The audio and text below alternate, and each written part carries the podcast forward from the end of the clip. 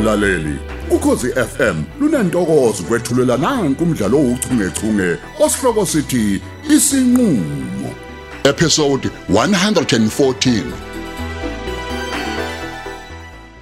Manje uthini kumamncane wakho lapho ngemuva? Bengizwa sengathi uyathetha nje. Hayi hayi ungamnaki loyo unento zakhe. Waze walenza usuku lami ngale call. Yazi bengayilindele enhlobo. Hayibo, hayi cha ngiyajabula ke mengabe kunjalo. Mm. Imark awukho busy ngithi? Hey ufona nje ngijuluke ngimanzi kuyapakisha la. Hayibo. Kusasa phela ngiphikelela le emaqhosheni. Emaqhosheni Mhm. yonke into ihamba kahle. Hey anginayo isho. Kodwa uma ubengifonele ekhala ukuthi ubabugoge lo washade naye ngathi uhanjelwa ingqondo yabona. Hayibo wena msisi. Yeah, hey ngibe senginquma ukuthi hey, angivele ngiyosihlola isimo yabo. Hayibo, hayibo, hayibo into enjani ke leyo? Hayi ngiyakutshela, ngiyakutshela. Ngiyathemba Nkosi yami magubu kangakho. Ey indlela abetatazela ngayo. Isikhathi sikhuluma eqinikweni. Iyona nje le engenze ngaboza mm, ngathi kuyaphuthuma. Hayi cha ngiyaxolisa bandla ukuzwa lezo indaba ezimi kangaka ngestepfather sakho. Yeah, hayi. Zwakala sengathi niyazwana yize kungakhulumi ngaso isikhathi eside. Yeah. Hey, lapho mina ngihlalele nje la ngedwe ekhaya, ngibhorekeni, Mm. ngibhorekeni. Oh, Ubaba yeah. nomalume Mthambo basavakashele ngale eTop Hills kubaba kaAzo. Eish, kambe nowazi uthi lisahambile. Mfethu ngeke. Ah, ungaze ngakuzwela. Awufuni ngivashele ngithi uzokubona kancane? Hayi bomsisi phela kudlalwa ke nje kanjalo. Yazi ukuthi ngingajabula kanjani?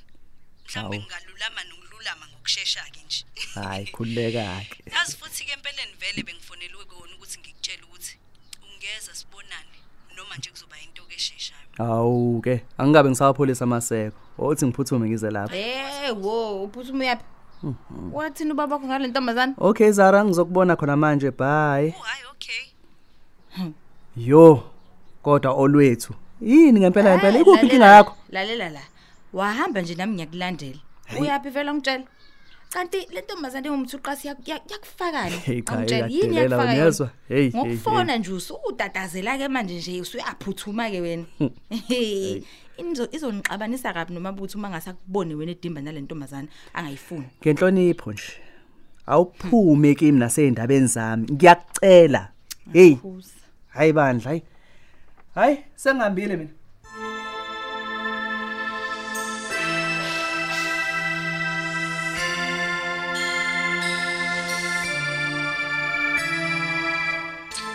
izoqhatha nokhumalo lokuthula lento yenzayo iyeke iyeke mani nokuthula lento uyahamba vele lo muntu nokuthula.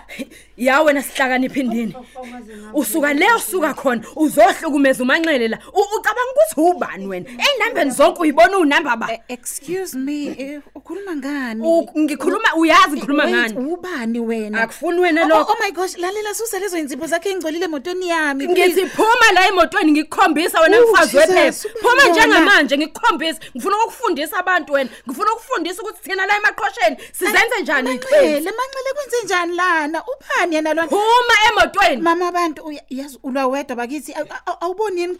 Angikwazi nokwazi usebenza la kaBhen mhlambe uyi domestic worker Ngibona kungifelele, Jehova. U- uma ubona mina wena u- u- ubona umsizi wasendlini? Njengoba ngimdala kingingaka nje i- iyona ndlela okhuluma le. Guys, who is we this? mashezi imbumbulu we mashezi angiyeni bona. umanxeleke mina. Ngiza ngizakushofa ngesibhakela ebusweni ube- ube yichithe ngiyakutshela ungangijwayeli nje kabi mina. Ungakulingi ungijwayele kabi. Mamo yini yona le ne nenzipho ezibovu awubeqinisile umanxele umesi. Usathane wena usathane unje. Hayi angikaze ngidideke kanjena empilweni yami bakithi. Kuba ngwani nalo mama bakithi ngithi ngamazi. phuma lapho. Uba ngani nami dadewethu? angiyena udadewenu phuma Hayibo, emotweni. mhlawumbe ayikho into ongayenza mhlawumbe ngayikhipha busy ngayo nje ubusy nami njena. Uthethe noma igeja bakithi hambe uyohlawula uphume nje la kumina kokwabantu woo Jesus. Yeyi hayibona kanti udelela ngempela eyi uyadelela. U- ubiza mina ngogogo. U- u- unogogo ngangami wena. U- u- Lona. umkhulu bamuni lo wenzayo nduni umkhulu babuni lo uyumyeka kanjani umashezi achanaze nje ekhanda lamanxele U- u- uthule nje uthule thini ngempela wenduni hey ungenaphi wena U- u- ukubona kwenzeka leyo nto eh? Wona? U- u- wena okuthiwa Khumalo. hey wazongibhedela la Khumalo. mina ngeke ngithini Uzothatha amakhosikazi ami la wena usahlulwe indaba. wena zabantu. owaqhathayo U- Njengoba bulwa nje wena ke ungenaphi ke wena yonke lento. Ngingena Hey, endabeni hey, yamanxele. Ngikhathele yini abantu bayagoga. Kukalele indoda yakhe eyise. Eh, enduna Manje ugogo akangeni. sekuwena ke manje. Akangeni ugogo la. Nangifunani ngempela nangizwani. hm? kodwa ukhona ke Nangizwa. nje bakithi ongangisiza ngitshela Uzothula wena. Saphi lesiqhwanqhwa uzothola ngizokhombisa ngizophinda ngizophinda wena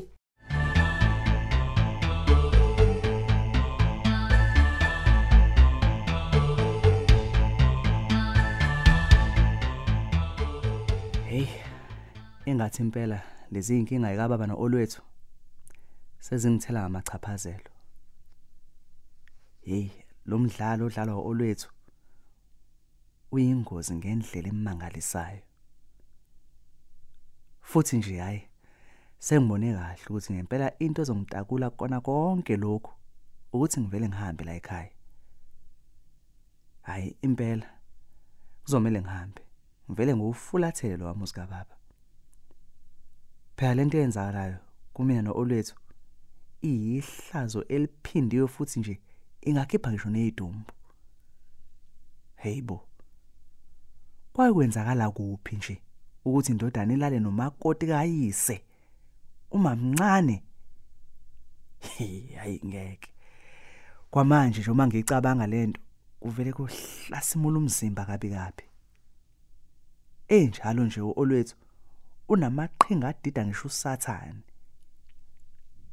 Yazi angingabazi ukuthi kukhona into angifakela yona utshwaleni futhi nje nangale yamini wangifakela ngesikhathi size singena emdavazweni. Ih hey ungcolile nangumuntu wesifazane wemadoda. Ya hayi kwangcono. Nakho sengiqhamukela khona kubo kazara. Ya ngcono imoto ngivele ngiyimise khona la. Ya ake ngifoneke ngiyizwe ukuthi abakabuyi yini abadala ngingathi ngithi ngiyangena kanti sebegcwele umuzi ey nango ke nozara ngasaliphendula ucingo Um Sizi hello. sithandwa sami unjani Ngiright. hawu sengifikile baby ngingangena Ya ya hayi ungangena khulileka. Ngisengedwa bakabuye ubaba. awu kwakuhle lokho hayi kulungile ngiyeza khona manje Ngiyethemba ke njalo ukuthi uyibhake kude imoto. Hayi khululeka Uyakhumbula khululeka ukuthi umalumthambo wathini ngokuma kwemoto esoke esangweni angithi. don't worry my baby ngiyibeke kude kabi akekho noyedwa ongabona ukuthi le moto ihamba umuntu ozekini Alright ayike ngcono mengabe kunjalo. Woza ke isanga likhiyiwe. Okay. Ungene ngomnyango wasekitchen. hayi kulungile ke sengilapho bye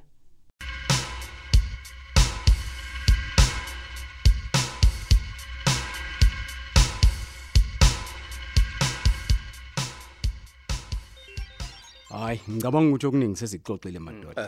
Eh sekusele kona ukuthi nginike imali enizohlawula ngayo lapha kwakhumalo. awusuka madoda eh mfoka cela imali engaka mlamuli mfowethu I- i- yaningangaka mfana ngithi yini usiyolobola ngani manje Hayibo, ubani yena?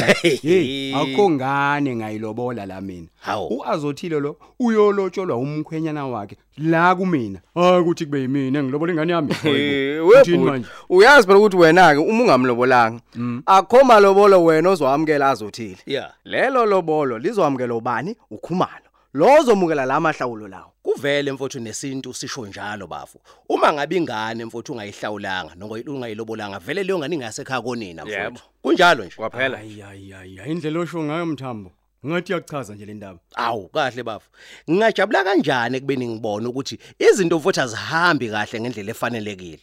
Kunokuthi ng- ngijabule kodwa mfowethu ngibo kufanele ngikudabukele ngiyakudabukela bafu. Kunjalo nje. Kunjengoba uyichaza nje Hayi, mthambo hayi, mfowethu bafowethu. kunjalo Ake simendi ngaleyo ndaba amalobolo kancane nje. Mm. Mina nginicelela ukuthi niyongihlawulela kwakhumalo. Yiloko nje nginicelele kona.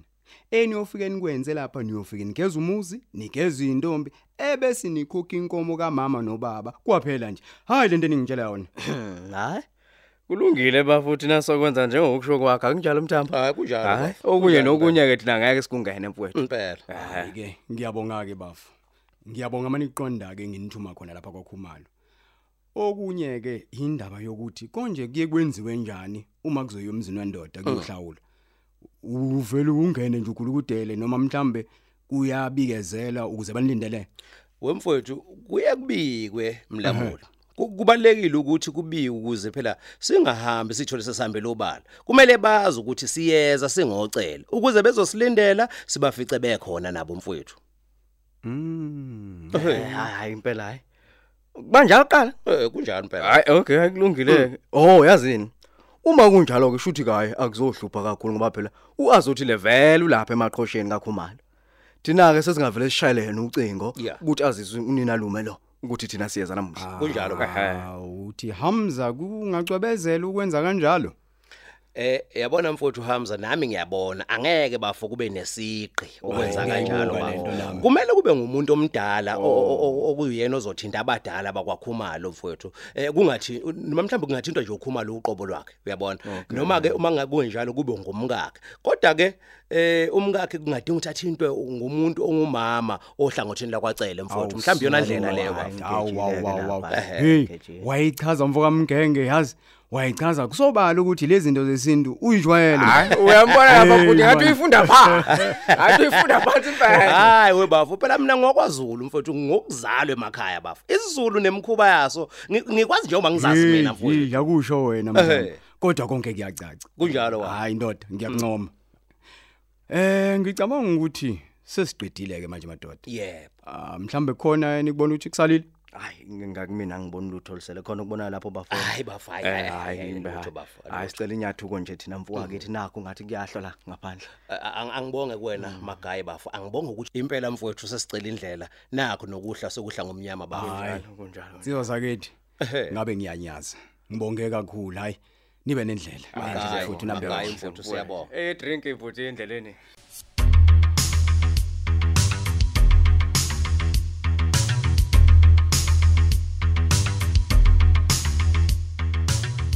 Ubani loyo?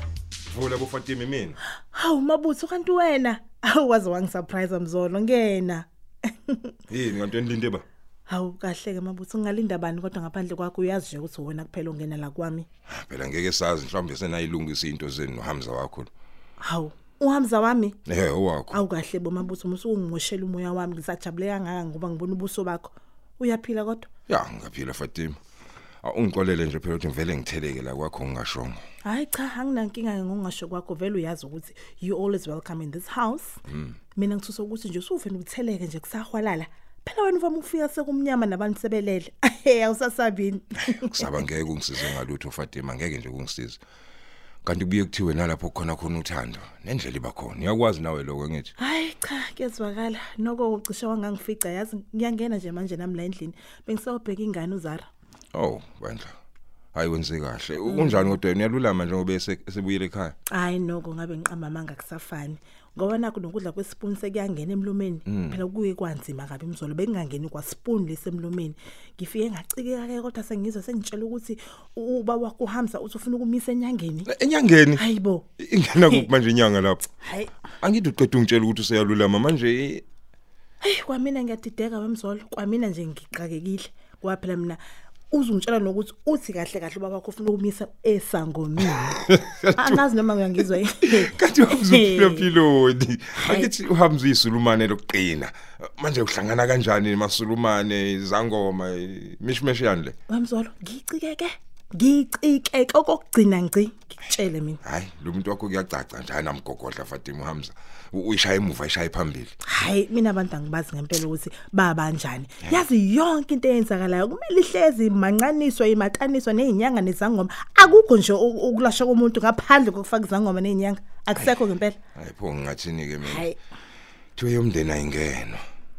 Hayi cha mina ngiseyena ke nje umndeni kaHamza Hawu. mabutho futhi nje ngicela ungisize awuyeke lokuthi uhamza umuntu wami mina umuntu wami engimaziyo uyedwa vo nangu lapha phambi kwamehlami hayi ngase Fatima no kulungile siyeke indaba kaHamza ngazisonele nobusuku bethu usakhumbula kodwa ukuthi wangithembisa imassage Oh yeah, ngikhumbula kahle. Ooh, and I'm so ready for you. Lalela khumula ungene ngubeni ngenze ingidume ngazo. that's so beautiful.